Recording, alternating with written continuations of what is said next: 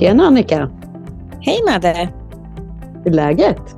Jo, det är jättebra faktiskt. Det är lite spännande. Vi har ju suttit och pratat här så jag känner mig lite, ja vad ska man säga att jag är? Nyfiken, spänd. Lite taggad. ja, nej men det, och sen har jag varit, jag kom ju hem idag från, jag lämnade min hund hos en vän. Eh, så jag har varit hos henne ett par dagar också då när jag har lämnat hunden. Vilket har gjort att jag har fått umgås med henne och diskuterat. Och sen har jag haft mina resor upp. Det har varit fyra timmar upp och fyra timmar hem. Och då har jag liksom suttit och lyssnat på en jättebra bok och reflekterat och diskuterat både med mig själv och henne. Så det, jag tycker det är kul. Jag mår bra. Just nu mår jag bra. Mm. Härligt. Mm. Hur mår du? Jag mår bra, tack. Jag har det bra. Jag är i Smedjebacken nu. Vi håller på att förbereda för hälsomässan som eh, kommer att vara i helgen. Så att när du hör det här så har vi haft den mässan. Mm, Jättespännande och roligt. Ja. Mm. Och det är en ganska stor mässa, eller hur? Ja. Eh, mm. Dryga 70 utställare då, både ute och inne. Och eh, det är Smedjebackens spiritualistiska center som driver den och har gjort i eh, tionde året tror jag. Om jag inte helt mm. ute och cyklar. Mm. Eh, och vi är på vackra Vanbo herrgård så vi har utställare både inomhus och utomhus. Så dit kan man ta med sig barnen och hunden och eh, ja. Hästen. Nej, hästen, kanske inte hästen. Käka middag på herrgården eller käka lunch. Och, ja. Mm, mm. Det ska bli Spännande. Fint. Ja. Det är lite förberedelser och sådär, men vi, vi är några stycken som hjälps åt, så det går bra. Ja, jag önskar er lycka till. Jag hade verkligen velat vara där. Ja, och jag hade verkligen velat att du hade varit med. Mm. Kanske nästa år då. Ja, jag ska försöka. Är det samma tid varje år, alltså så här, ungefär? Och här, den, här, den här helgen i maj. Den ja. skiftar ju mm. lite datum. Då, mm. Mm. Då ska jag försöka att inte jobba eller vara på någon annan plats då. då. Nej, det vore ju trevligt. Mm. Vem vet, jag kanske jobbar där då. Ja, det tycker jag absolut. Det vore riktigt kul. Jag kom ju på det mitt i alltihop med styrslandet och bärandet och allt vad det var. Nej men visst fan, jag ska ju jobba också. Jag ska göra sittningar. och så ska ja, jag faktiskt det. hålla i dans. Så vi ska dansa också, både lördag och söndag. Jaha. Eh, jajamensan. Själen får dansa lite. Det tycker jag låter bra. Ja. Det är härligt. Jag satt och dansade i bilen.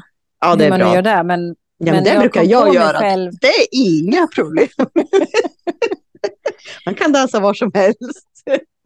ja, jag kom på mig själv så tänkte jag så här, undrar de som möter mig hur det ser ut. Men det var roligt, då kanske de får sig ett gott skratt. För där satt jag och shejkade och skrattade och log och dirigerade. Alltså, du vet, så här, händerna gick och... Ja. Ja. Mm. ja, det är härligt att dansa. Det är det en mm. otroligt mm. kraftfull eh, väg till meditation faktiskt. Mm. Dansa. Mm. mm. Men det kan vi ägna ett helt annat avsnitt åt. Ja, ja. Vi pratar lite grann, vi, som vi brukar göra så pratar vi innan.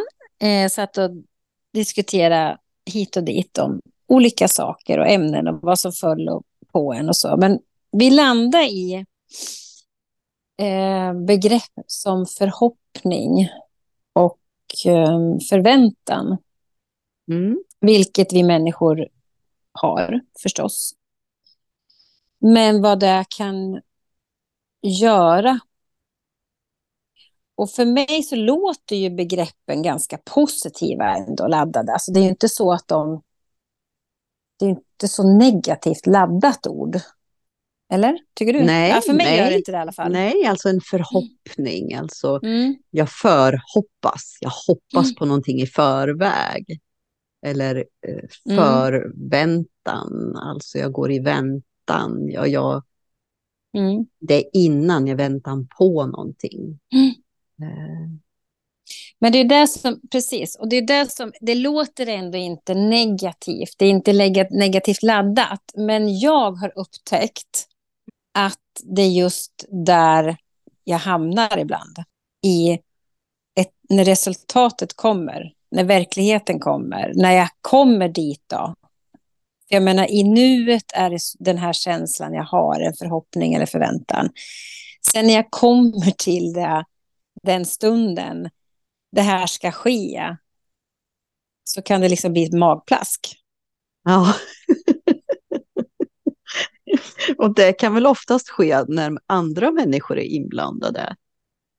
Eh, att vi har en, en förhoppning eller en förväntan på att en människa ska bete sig eller leverera på ett visst sätt och sen så sker inte det.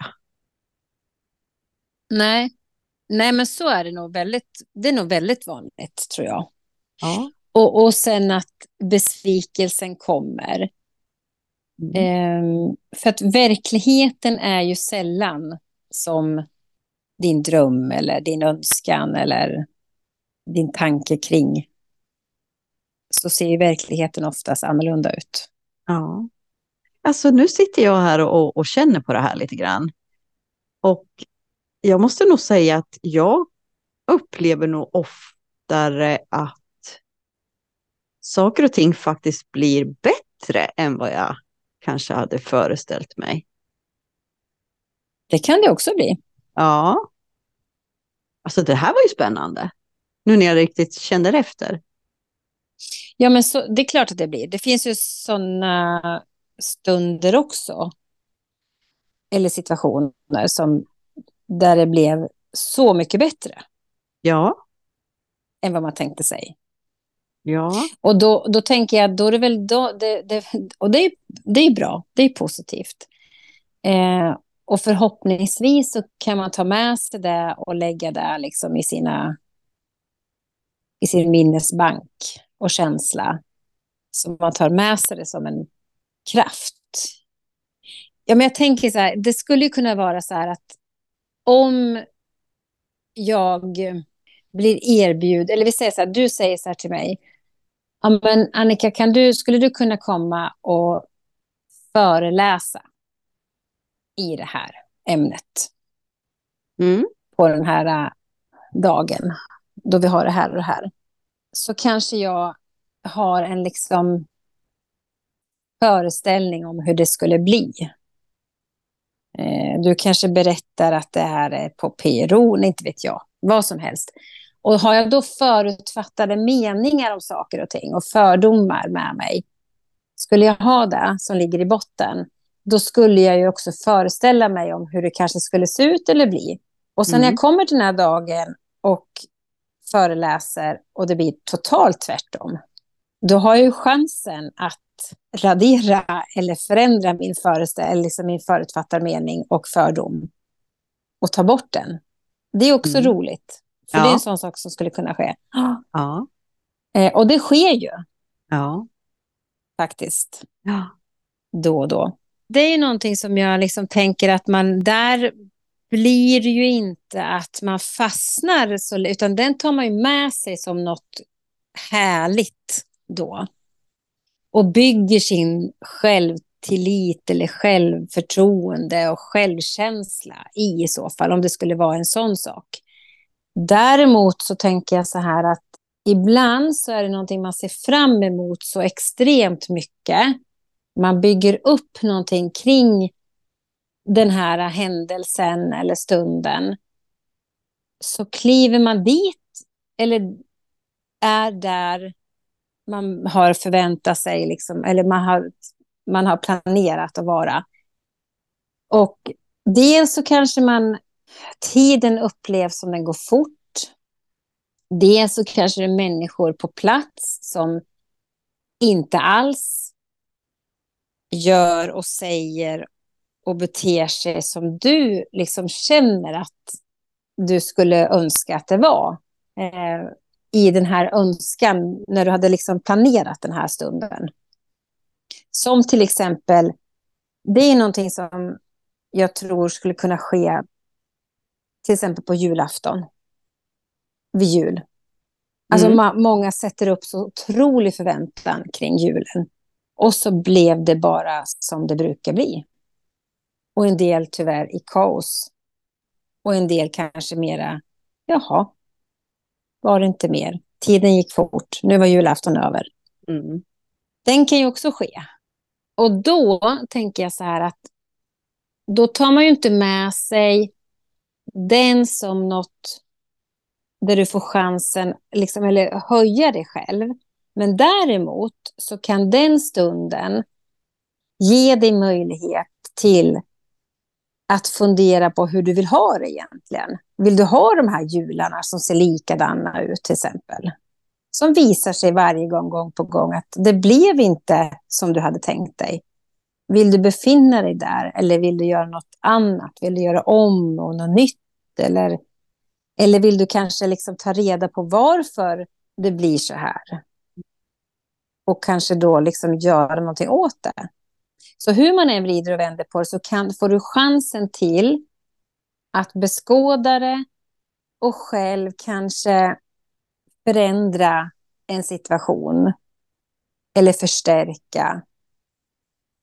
Eller ge möjlighet till ett annat sätt att se.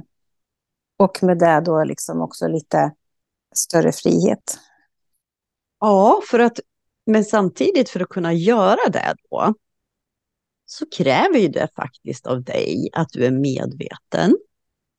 Mm. Att du tar ett personligt ansvar för din upplevelse av just den här julafton. Eh, Mm. att du inte dömer någon annan, skyller på någon annan, att det är alla andras fel. Utan att du faktiskt, nej men alltså det här var inte vad jag vill längre.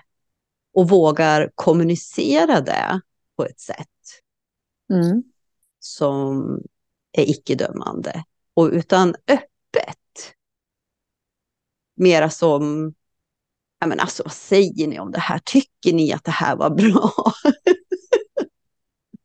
Mm. Eller skulle vi kunna göra på något annat vis? Eller vad tycker ni? Ja, och sen har man eh, liksom samtalet igång där till att kanske skapa något nytt gemensam julafton. Eh, För att ingen annan har kanske tagit ansvaret och uttryckte. Och så öppnar man där då för en möjlighet till att skapa förändring och sen har man då en ny möjlighet att ha nya förväntningar och förhoppningar om att nästa jul kommer att bli fantastisk. Absolut. Eh, och det, det tror jag också.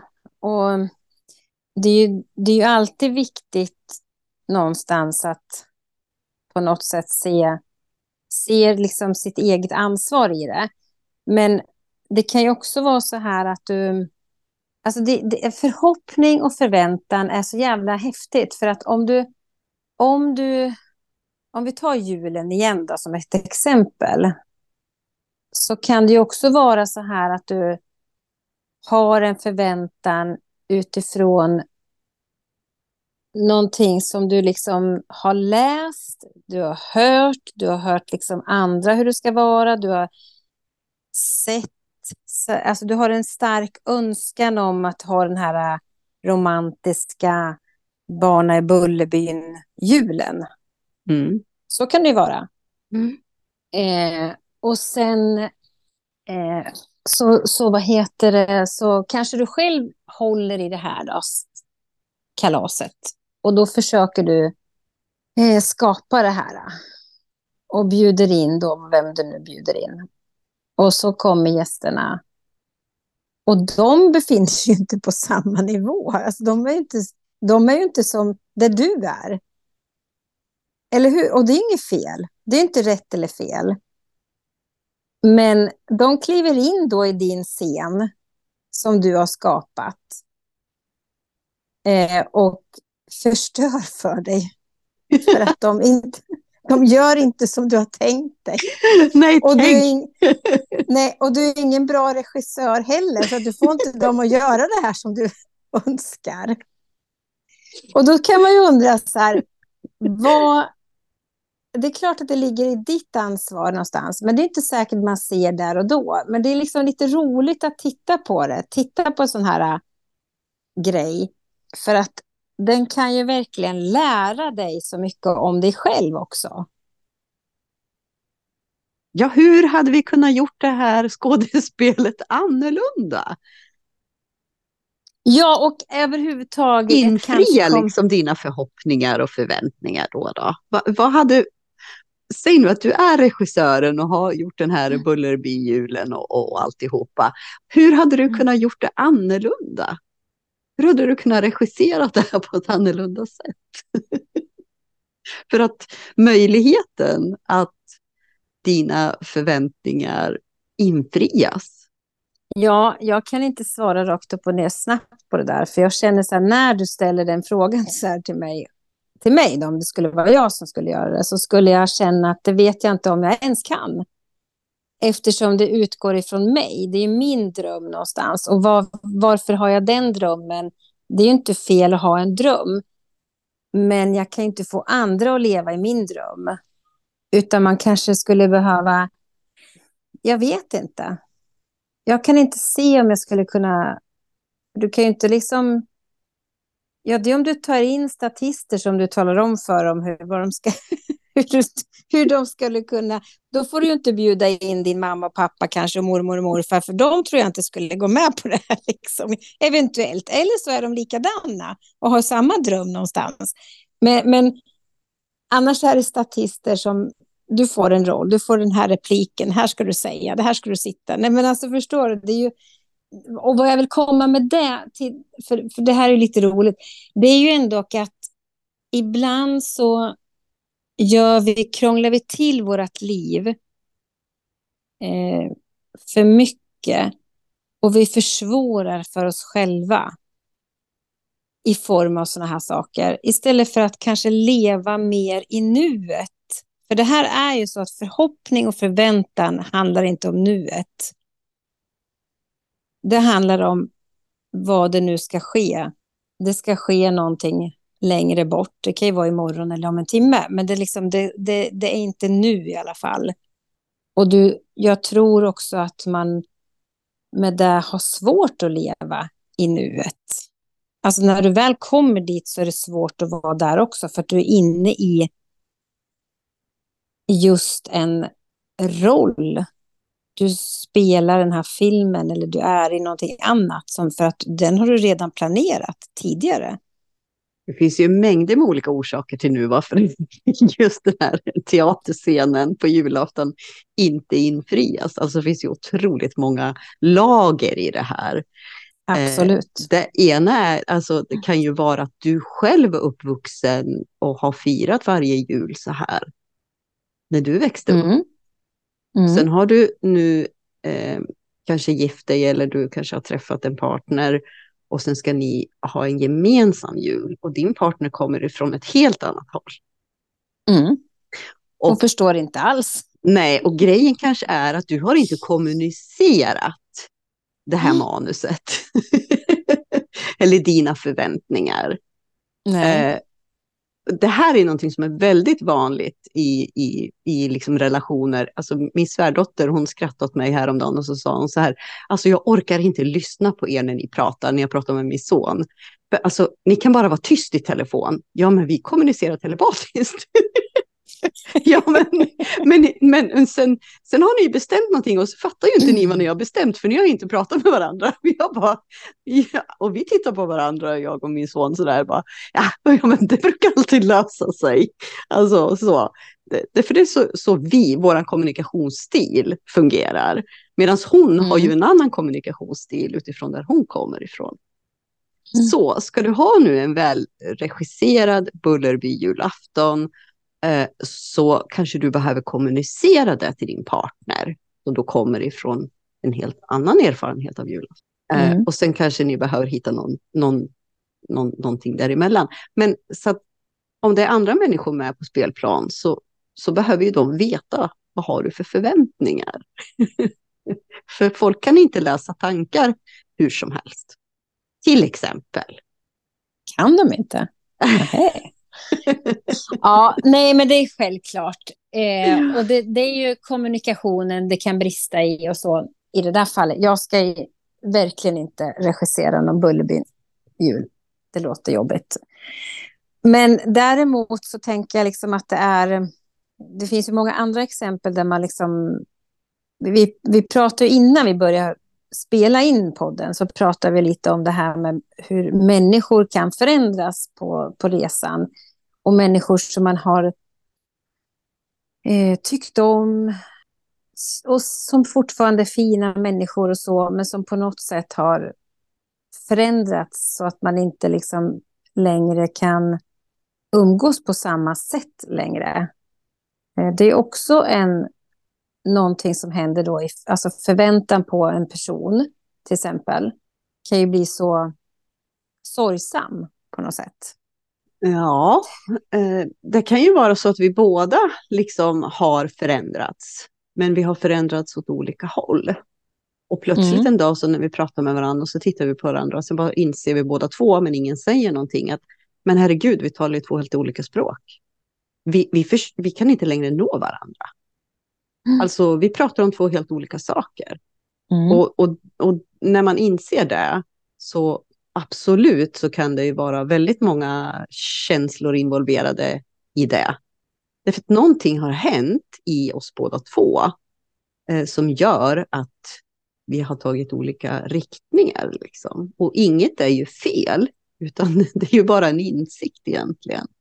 Men med tanke då på att man har förväntningar eh, så kommer ju, alla för våra förväntningar bygger ju på, på tidigare erfarenheter. Eh, att vi har upplevt någonting och så har jag fått en erfarenhet med mig, vilket gör att jag sen förväntar mig framåt utifrån den erfarenheten som jag skaffade mig den tidigare. Och säg då att vi har en relation och sen så plötsligt så har vi varit kanske partners eller vänner eller arbetskamrater eller vad det nu än är, i vilken typ av relation mm. vi än har. Och så bara så, så, nej men vi kan inte mötas längre för att vi talar inte samma språk. Mm. Eller vi vill inte längre samma saker. Mm. Alltså där någonstans så, så, så, faller ju den omedvetna egentligen förväntan jag har. Det ligger ju en förväntan där, fast den är o, ganska omedveten, för den är så självklar att vår relation alltid har funkat. Vi har kunnat prata, vi pratar samma språk, vi förstår varandra. Och sen mm. så inser man, nej men gud, det gör vi ju verkligen inte. Och då, då kan jag inte längre förvänta mig att vi kan mötas på samma sätt. Nej. Då har jag fått en ny erfarenhet. Mm. Och då, tror du att det då skulle vara så, för när du pratar så, liksom, så tänker jag så här, tror du att det skulle vara så att många människor kan uppleva det som något negativt, tungt och jobbigt? Jag tror att det kan finnas alla aspekter av känslor där faktiskt. Men det kan ju vara ett konstaterande. Jaha, okej, okay. nu är vi på väg in mm. där, vad spännande. Ja, ja, okej. Okay. För oftast då så, så bara liksom glider man ifrån varandra. Alltså, man behöver inte gå in i någon schism eller alltså peka finger åt varandra eller tycka en massa saker, utan bara konstatera att jaha, mm. och sen så provar man igen. Och sen inser man samma sak igen. Nähä. Och sen så är det precis som att den relationen bara som glider isär. Och sen slutar man att mötas, kanske, mm. på samma sätt som tidigare. Mm. Eh, och sen kan det gå ett tag, ibland lite flera år, och, och, ibland kanske ett kortare tag och sen så liksom möts man igen och sen, nej men nu lirar vi, nu förstår vi varandra igen. Eller mm. också glider man isär och sen så är det så liksom. Mm. Och, och, det är någonting fint i det, för alla har vi ju egentligen vår resa eh, i det här livet. Och att liksom även se på relationer på ett sånt lite mera avslappnat sätt istället för att hålla fast vid att allting behöver alltid vara som det alltid har varit. Mm. Så släpper vi taget om det och liksom släpper det lite fritt. Så låter jag mig själv gå fri och jag låter eh, min partner eller min vän eller vad det nu är gå fri. och gå sin väg. Mm. Men samtidigt så kan det också vara känslor av sorg i det där. Alltså, men mm. Vad hände här liksom? Mm. nu, nu känner jag mm. att jag håller på att förlora någonting som har stått mig väldigt, väldigt nära. Och, och där i kan det ju ligga liksom en rädsla, en sorg, en ilska. Det kan vara många olika typer av känslor i, i det. Ja, och där tänker jag att där kan ju förhoppningen någonstans också leda till att vi kanske i en sån här relationsprocess, då, om man ser att, det, att den, den kan liksom pågå ganska länge för att man har just, man håller fast vid relationen eh, för att man har en förhoppning om att det ska lösa sig. Eh, och den kan ju ligga i rädslan för att förlora den här relationen. Fast mm. den kanske egentligen skulle vara sund att förlora ett tag. Den kanske förloras för ett tag som du säger, eller för alltid. Mm. Och det kanske skulle vara sunt. Mm. Och, och, och, och, um, jag menar, vi har ju också en realistisk och en orealistisk förhoppning på saker och ting ibland. Ja. Eh, och, och det kanske liksom är en orealistisk förhoppning man har i en sån här process. Därför att vi är egentligen så olika och vi kan ju inte tvinga oss till att vara lika eller tycka som... Ja, om jag tänker och tycker på ett sätt så kan inte jag tvinga min partner eller min vän eller arbetskamrat eller någon att tycka och tänka som jag eller känna. Eller, för det är ju orealistiskt. Ja, och jag menar i, i en sån här relation, alltså, eh, så, så kommer vi ju båda två med olika livserfarenheter.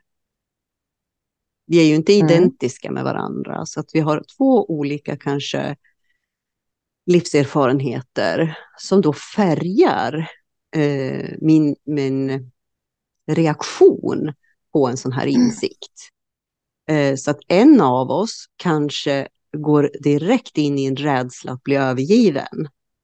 Medan mm. den andra parten i den här relationen kanske mer bara konstaterar att den, den, den har mm. inte rädslan av att bli övergiven, utan den, är, den, är, den vet att den är älskad och, och uh, älskar sig själv och är trygg och, och liksom så. Så den glider bara vidare mm. i livet.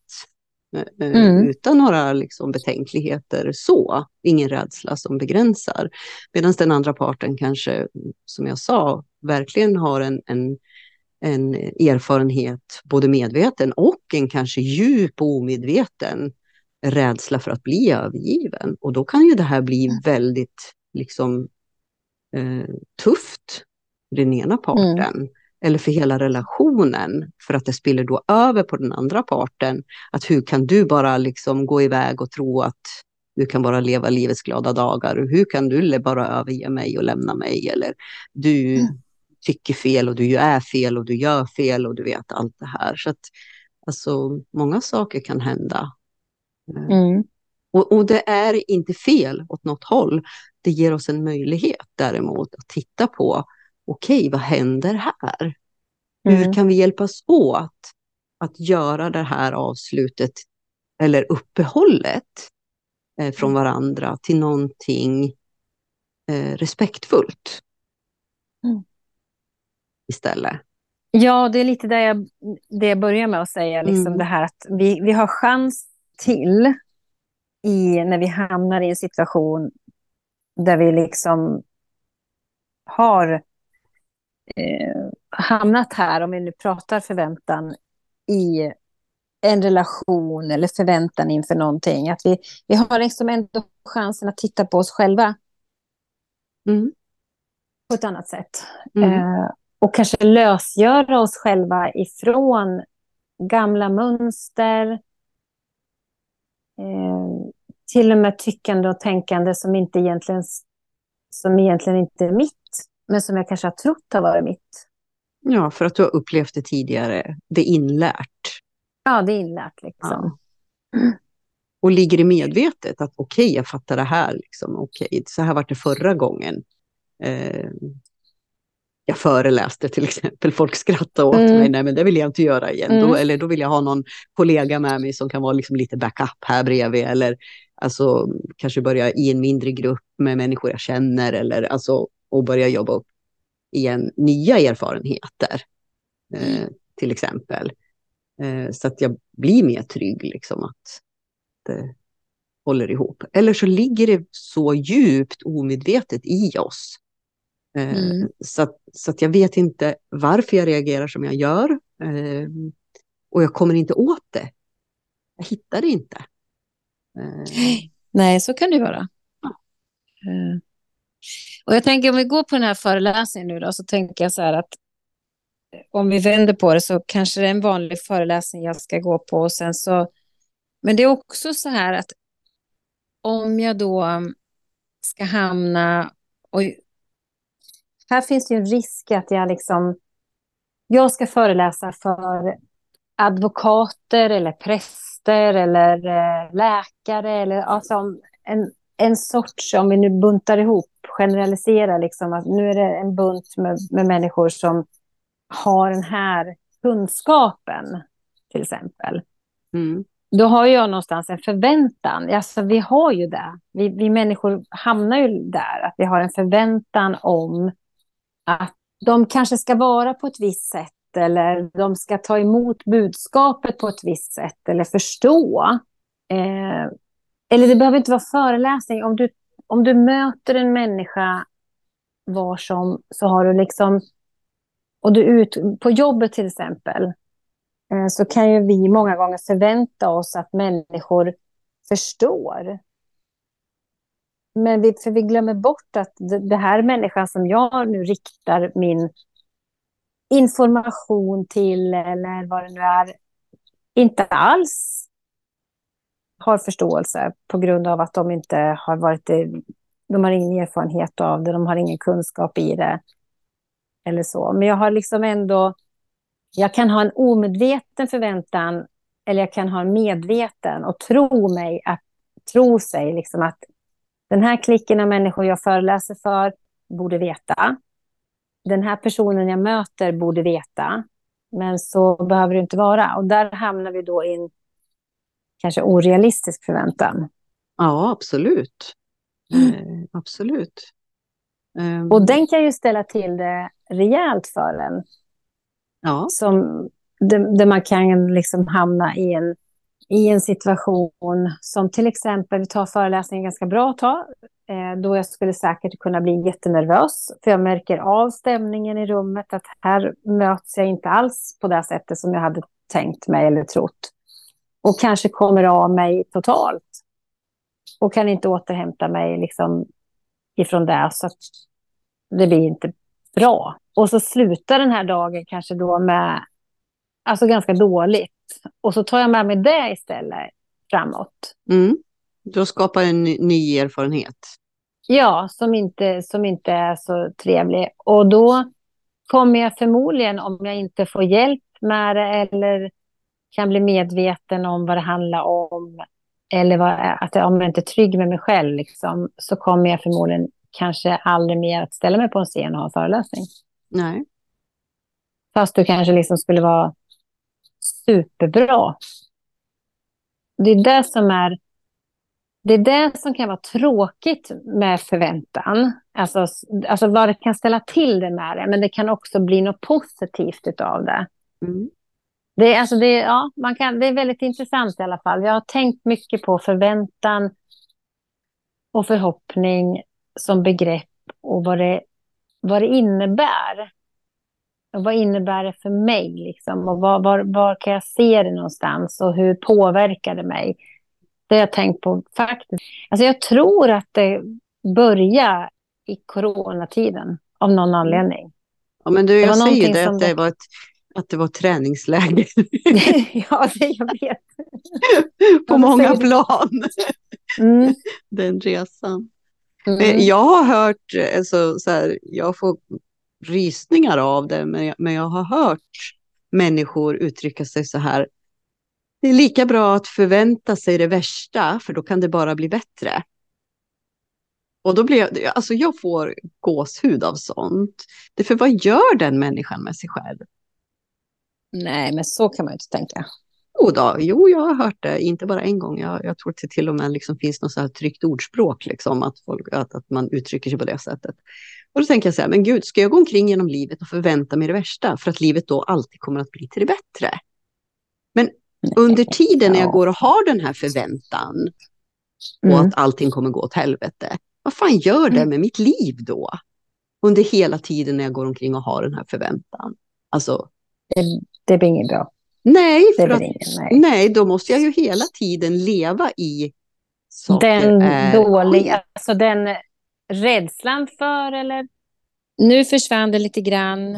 Är jag tillbaka ja. nu? Men nu är du tillbaka. Åh, oh, trevligt. Um, men det, det, om vi landar då i där du, där du sa att om man då går omkring i den här, liksom att man förväntar sig det värsta så att så man kan få en positiv upplevelse av det istället, då, mm. så har du ju hamnat in, i, en neg, i en negativ spiral av energi. Alltså det, är ju, du, det är ju negativt ja. laddat. Ja. Så du går ju förberedd på det värsta. Ja.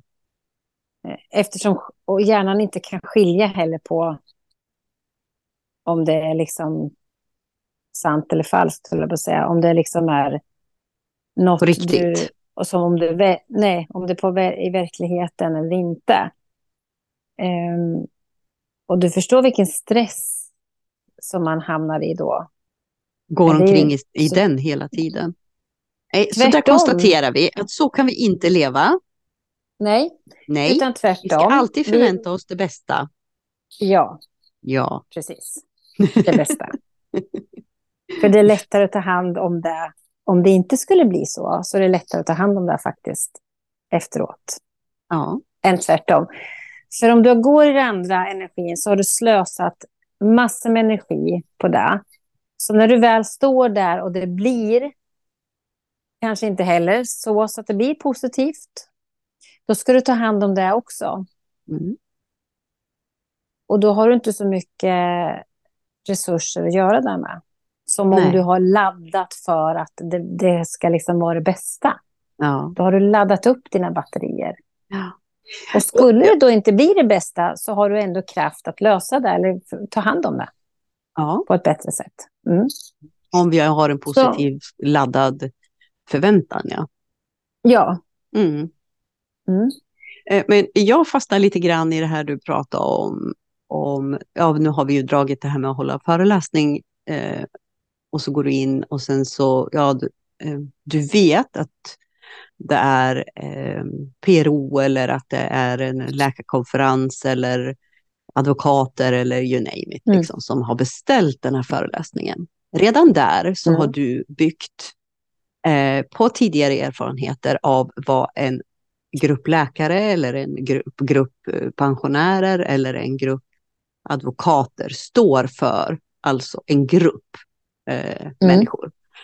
Eh, mm. Och så går du då in med, med den erfarenheten och lägger upp en föreläsning utifrån den målgruppen. Det man glömmer bort här, mm. det är ju om vi bara tänker nu rent mentalt, det är ju att, att man har en förväntan på att det här är intellektuella människor, två av grupperna, och den tredje gruppen är gamlingar. Mm. Mm. Men det man glömmer, det är att det sitter kanske 40 stycken själar där i varje grupp. Mm. Ja. Som svarar an på energi. Mm. Mm. Ja, ja. Eh, det man kan förbereda sig på, det kan vara det att det här har vi intellektuella människor i två grupperna eh, som tänker väldigt mycket. De kanske inte känner lika mycket eh, som andra människor gör, som inte är så fokuserade på sitt intellekt. Det är också en föreställning vi har, att är du skolad och liksom har eh, använder ditt intellekt mycket så är du inte lika sensitiv. Det är också en, en, en förutfattad mening byggd mm. på tidigare erfarenhet. Så. Mm. så jag skulle ju gå all in här med ett manus Men jag skulle ju känna på gruppen innan jag skulle ha en sån föreläsning. För du kan fånga gruppens energi och veta hur du ska lägga presentationen. Och utifrån presentationen så har du dem direkt med dig. Att vi kan jobba med mm. energin. Vi behöver inte jobba bara med manuset. Nej, men precis. En, men då gör ytterligare en aspekt till ja. att ha en förväntan. Jag förväntar av mig själv att jag kan plocka in den energin mm. och sen bemöta där eh, gruppen befinner sig. Jo, men det tänker jag att man, man säkert har. Alltså man har ju även förväntan på sig själv. Ja. Eh, någonstans i sin prestation, om man säger. Ja. Mm. Men den kan ju bli så tokig också om man inte är så säker i sig själv eller trygg. Att man hamnar fel någonstans och, har, och tappar liksom sitt manus eller vad man har inom sig. Liksom. Så. När man kanske är för stark i sin...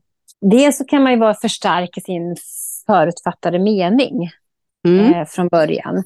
Mm. Och sen kliver man in och har den här förväntan eller förhoppningen om hur det ska vara på ett visst sätt. Och så känner du direkt att så blev det inte eller är det inte. Så kan ju det bli pannkaka istället för... Ja, för vad kan du göra då? Antingen så, så håller du fast vid din förutfattade mening och håller fast mm. hela tiden vid eh, en approach som du hade för, alltså, bestämt dig för innan. Mm. Eh, därför att din förväntan var att du skulle tas emot på det här sättet. Och, och, så, håll, och så blir det inte så. Men du själv står kvar i att leverera utifrån det du hade bestämt sedan tidigare. Mm. Eller så släpper du garden där. Mm. Tänker att okej, okay, jag behöver förändra mig själv. Jag behöver förändra det här för att möta mm. upp här. Okej, okay, vi gör det mm. lite till ett flöde istället för att en statisk form. Alltså mm. att du kan skapa förändringen där. Så gör du mm. det. Och plötsligt Absolut. så har vi eh, en helt ny riktning. Det kanske mm. tar en riktning som, ja, som du inte hade en susning om. Du kanske aldrig har varit med om. Mm. Eh, och det blir helt fantastiskt. För att du vågade släppa garden. Du släppte din förväntan och öppnade dörren mm. för en ny erfarenhet. Och då är det ju genast i nuet.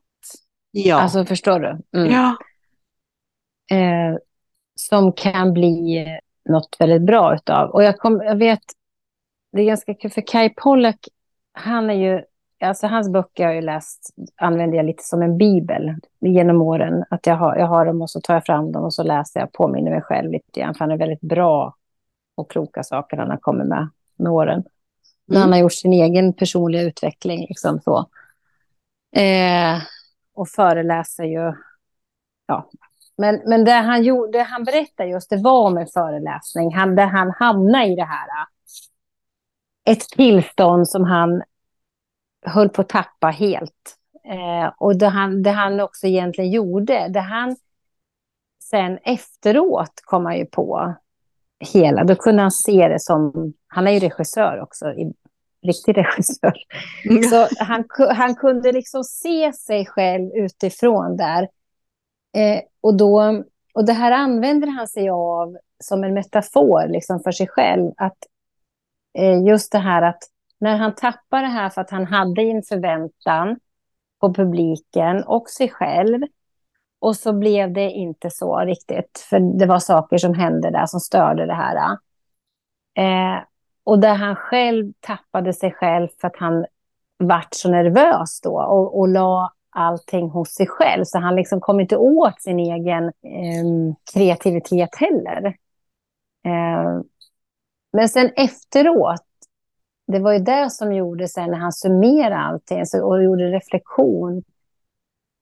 Så kunde han istället då göra det till något bra. Så att när han nästa gång han föreläste så hade han inte den här förväntan på det sättet. Utan han tänkte just att jag ska kliva upp och se först. Jag ställer mig först och tittar på publiken. Alltså så här bakom. Mm. och försöker känna in. Vilket han gjorde och efter det så har han ju haft väldigt framgångsrika föreläsningar. Mm. Eh, men hade han inte haft den här första tillställningen som inte blev så bra då, så, och, och kunnat göra om det till bättre, eh, då hade han väl kanske harvat på några gånger till. Sen vet man ju inte hur det hade blivit. Det finns ju inget facit på det. Eh, men, men, det är ganska kul att se och vad man kan göra. Man får liksom möjligheten. Istället för att slå på sig själv eller hamna, det kanske man gör en stund, men sen istället för att fortsätta där och fastna i det där och den här dåliga känslan av att den här föreläsningen gick åt helvete och jag hade ju liksom tänkt mig att det skulle bli så här och det blev inte så och allt. Så kan man istället liksom se det på ett annat sätt och vända det till sin fördel. Och kanske då komma på ett annat arbetssätt. Som sagt, ju vara bra också. Eller ett annat livssätt. Vi som inte ja. kanske föreläser som yrke utan alltså mm. lever i det här livet med förväntningar. Ja, du, ja, ja du kan ju ha det till vad som helst. Ja. Applicera det liksom var som helst i livet. Ja, För i en vardagssituation till exempel. Men jag ska åka till affären. Okej, okay, jag går mm. ut, sätter mig i bilen eh, och, och, ska åka till affären. Och, och jag, har, jag har ingen medveten förväntan där om att jag ska åka till affären, utan jag ska bara åka till affären. helt enkelt. Mm, mm, mm. Och kommer, kommer några meter och, och inser att, men vem fan hade bilen sist? Den är ju otankad. Och jag kanske har två mil till affären. Då hade jag en förväntan mm. på att jag bara skulle sätta arslet i bilen och åka till affären.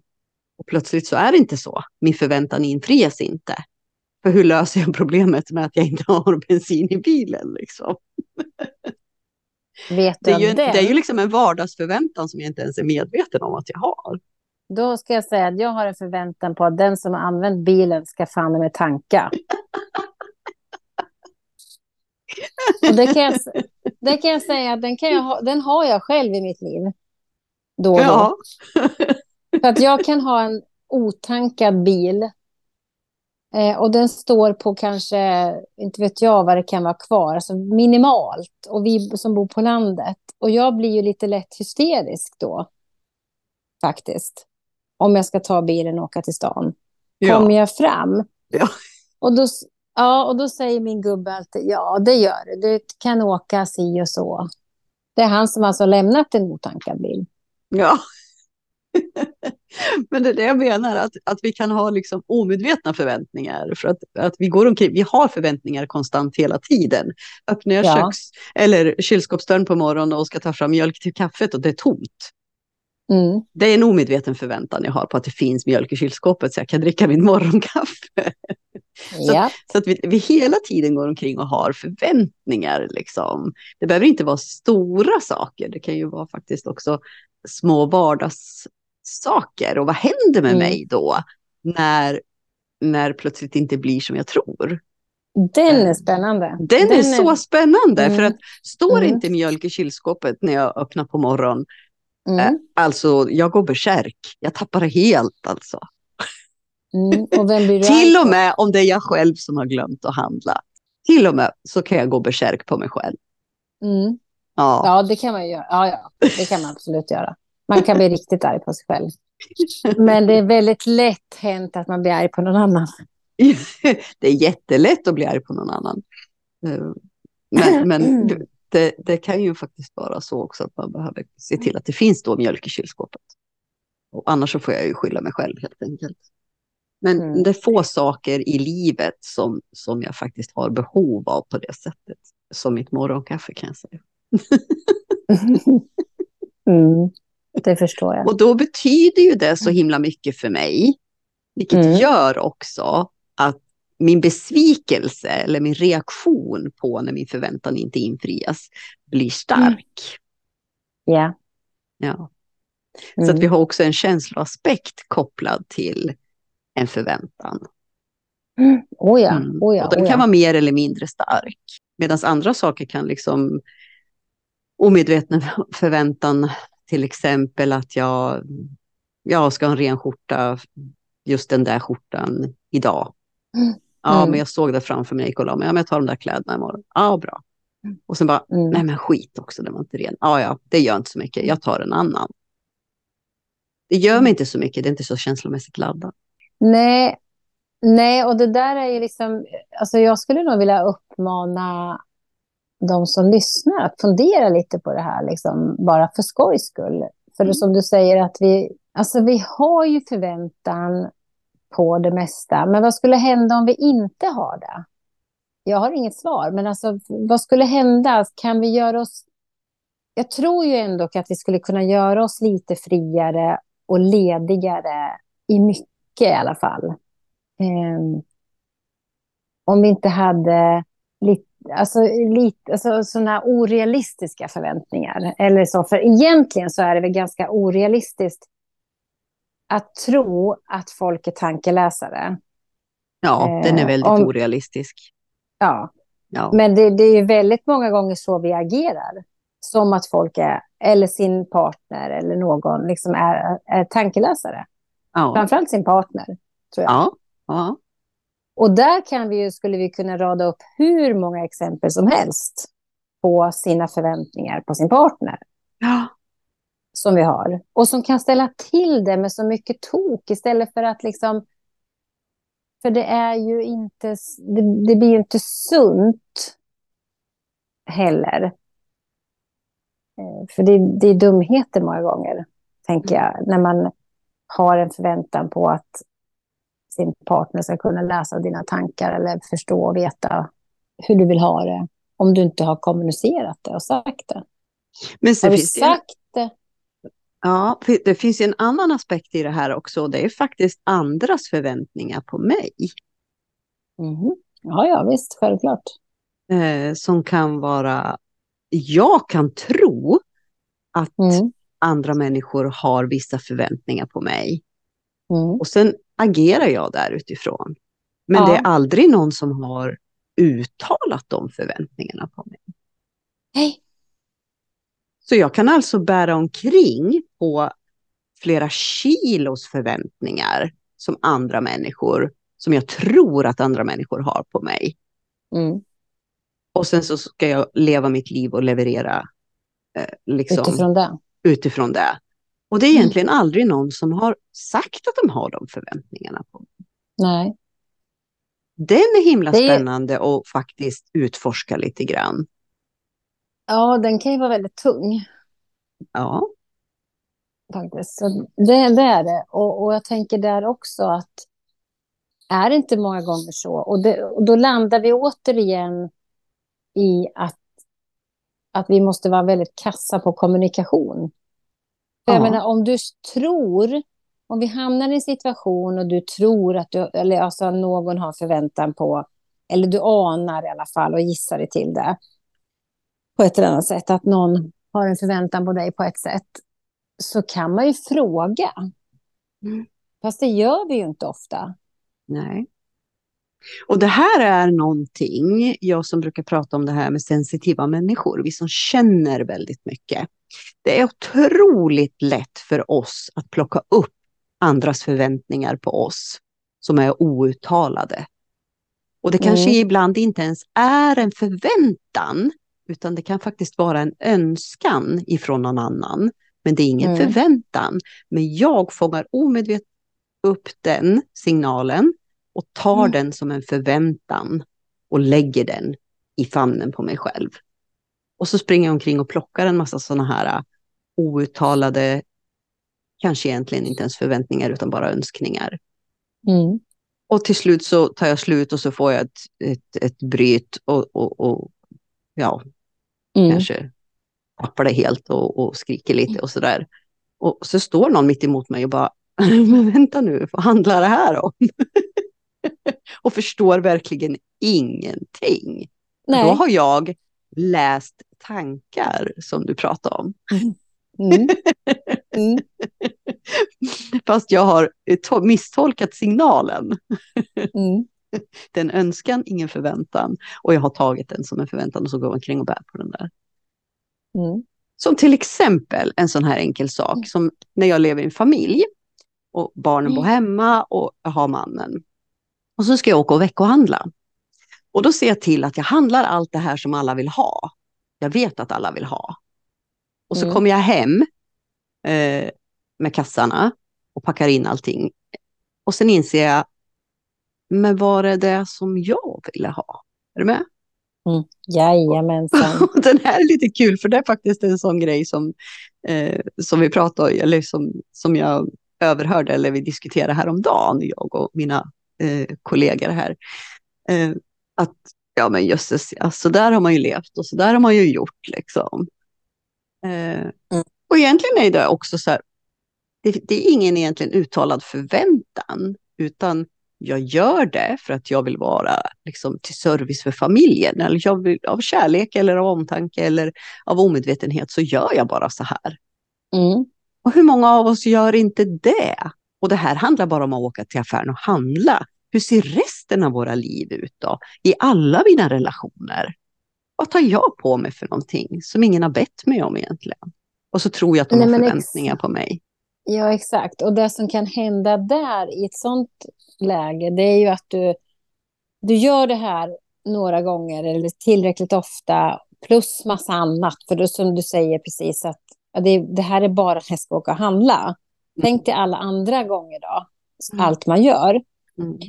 Och sen så kanske du då någonstans har en förhoppning eller en förväntan på att din partner ska fånga upp det här också. Eftersom du har fångat upp vad han eller hon önskar, men du har tolkat det som alltså, det kan vara en önskan, men du känner av och du läser in och du to- misstolkar. Och sen så, och dina barn. Och så kommer du hem med de där kassarna, eller vi säger så här, de, han kommer hem med de där kassarna och han har lagat mat, eller lagat mat, han plockar upp det och ska stoppa in det. Och det finns ingenting till dig heller den här gången. Nej, Då heller. nej, precis. Och så frågar du varför har du inte köpt, ja kanske, inte vet jag, chokladkaka, säger vi. Mm. Eh, och då säger han så här, nej men vadå, det har du inte sagt eller bett om. Nej, men alltså förstår du? Och det Ja. du har med dig då i ditt system, Mm. det är ju att du, du har ju liksom gjort det här så många gånger till din familj. Mm. Du har servat och fixat och allt det här för att du har liksom den förväntan då på dig själv. Mm. Som du tror de har. Utan att ha kommunicerat med dem. Och det blir ju en tung börda. Och till slut så bränner man av totalt. Ja. Och så blir det ju för att du bygger upp en oärlighet någonstans inom dig. Mm. Du är inte ärlig mot dig själv, du är inte ärlig mot familjen, du är inte är, alltså, eller vad det nu må vara, i relationen eller liksom arbetskamrater eller så. Men framför allt inte mot dig själv heller, vilket då till slut gör att du, du mår inte bra alls, eller du känner att det är skav. Och det måste komma ut någonstans. Och då kommer det hysteriska, eller all, arga delen. Mm. Eller sorgsna, eller bittra, eller vad det nu är. Mm. Mm. Men det är ju inte en oärlighet kanske om det är så att det är jag som är sensitiv och, och liksom känner in sånt här hela tiden och jag är omedveten om att, att det är det jag gör och att jag sen då har samma förväntningar på min omgivning. Eh, vilket är helt orimligt. Men jag, jag förstår inte vad det är jag gör. Och då är, Nej, inte, det det helt, inte då är inte det helt lätt heller. Nej, nej. Eh, nej Utan då behöver alltså, man vi- ju komma underfund med i sig själv hur, hur funkar jag liksom Mm. egentligen och hur Mm. funkar folk omkring mig. Eh, Mm. just med tanke på det här med förväntningar. Att Mm. eh, det är faktiskt ingen som har sagt eller bett om det här. Så då, då behöver jag inte liksom gå in i det. Jag behöver inte läsa mellan raderna hela tiden. Liksom. Eh, och sen förvänta mig att andra gör detsamma. För att andra människor kanske inte gör det per automatik. Nej. Nej. Nej, nej, och det kan vi inte begära. Alltså, det är det här som är liksom, men det är det här som är det roliga med såna här saker när vi diskuterar, du och jag. Det är att vi, Alltså det så måste vi inse, det är ju inte lätt. Det vi pratar om och det vi säger är liksom... Om vi säger så här, ja men då måste man göra på det här sättet. Det är ju inte så att det är enkelt. Eh, för det första behöver man ju bli medveten om det. Men det är lite kul att leka med det och fundera och reflektera. Och sen kanske använda sig av det och titta på sin egen, sitt egna liv och se, gör jag så här? Mm. Säger jag, tänker jag, visar jag, har jag den här liksom, eh, vad det nu är, och i, i det här fallet liksom den här med förväntan och så. Och det har vi ju, det har vi ju alla. Ja. Eh, det handlar ju bara om sen, hur förhåller jag mig till det? Och vad kan jag liksom, kan jag bära det och ha det i mitt liv som på ett sätt där det liksom blir lite skönare, det är ganska ledigt och lätt. Mm. Eller blir det liksom insträngt, instängt och eh, trångt ja. och skav till slutet av det. Mm. Då är det ju rimligt att man behöver göra någonting åt det.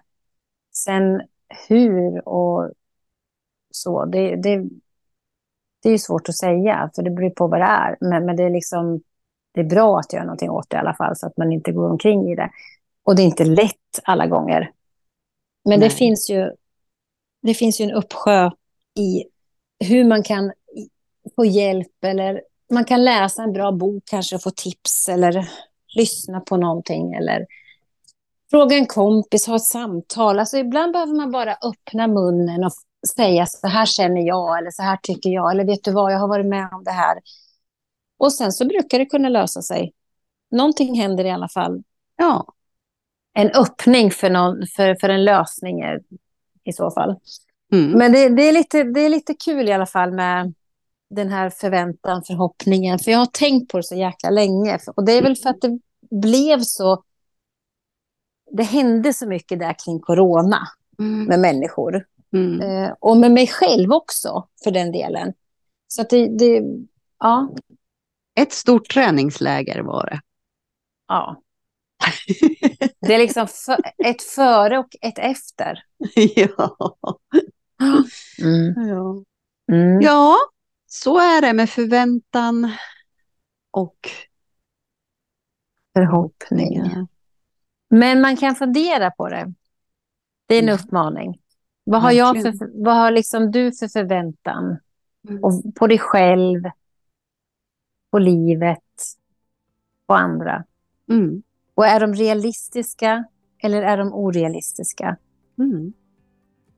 Skapar de något positivt eller negativt? Mm. Mm. Så där skickar vi med den här veckan. Mm. Hemläxa. En hemläxa, ja. ja. Då kanske det är dags att säga godnatt.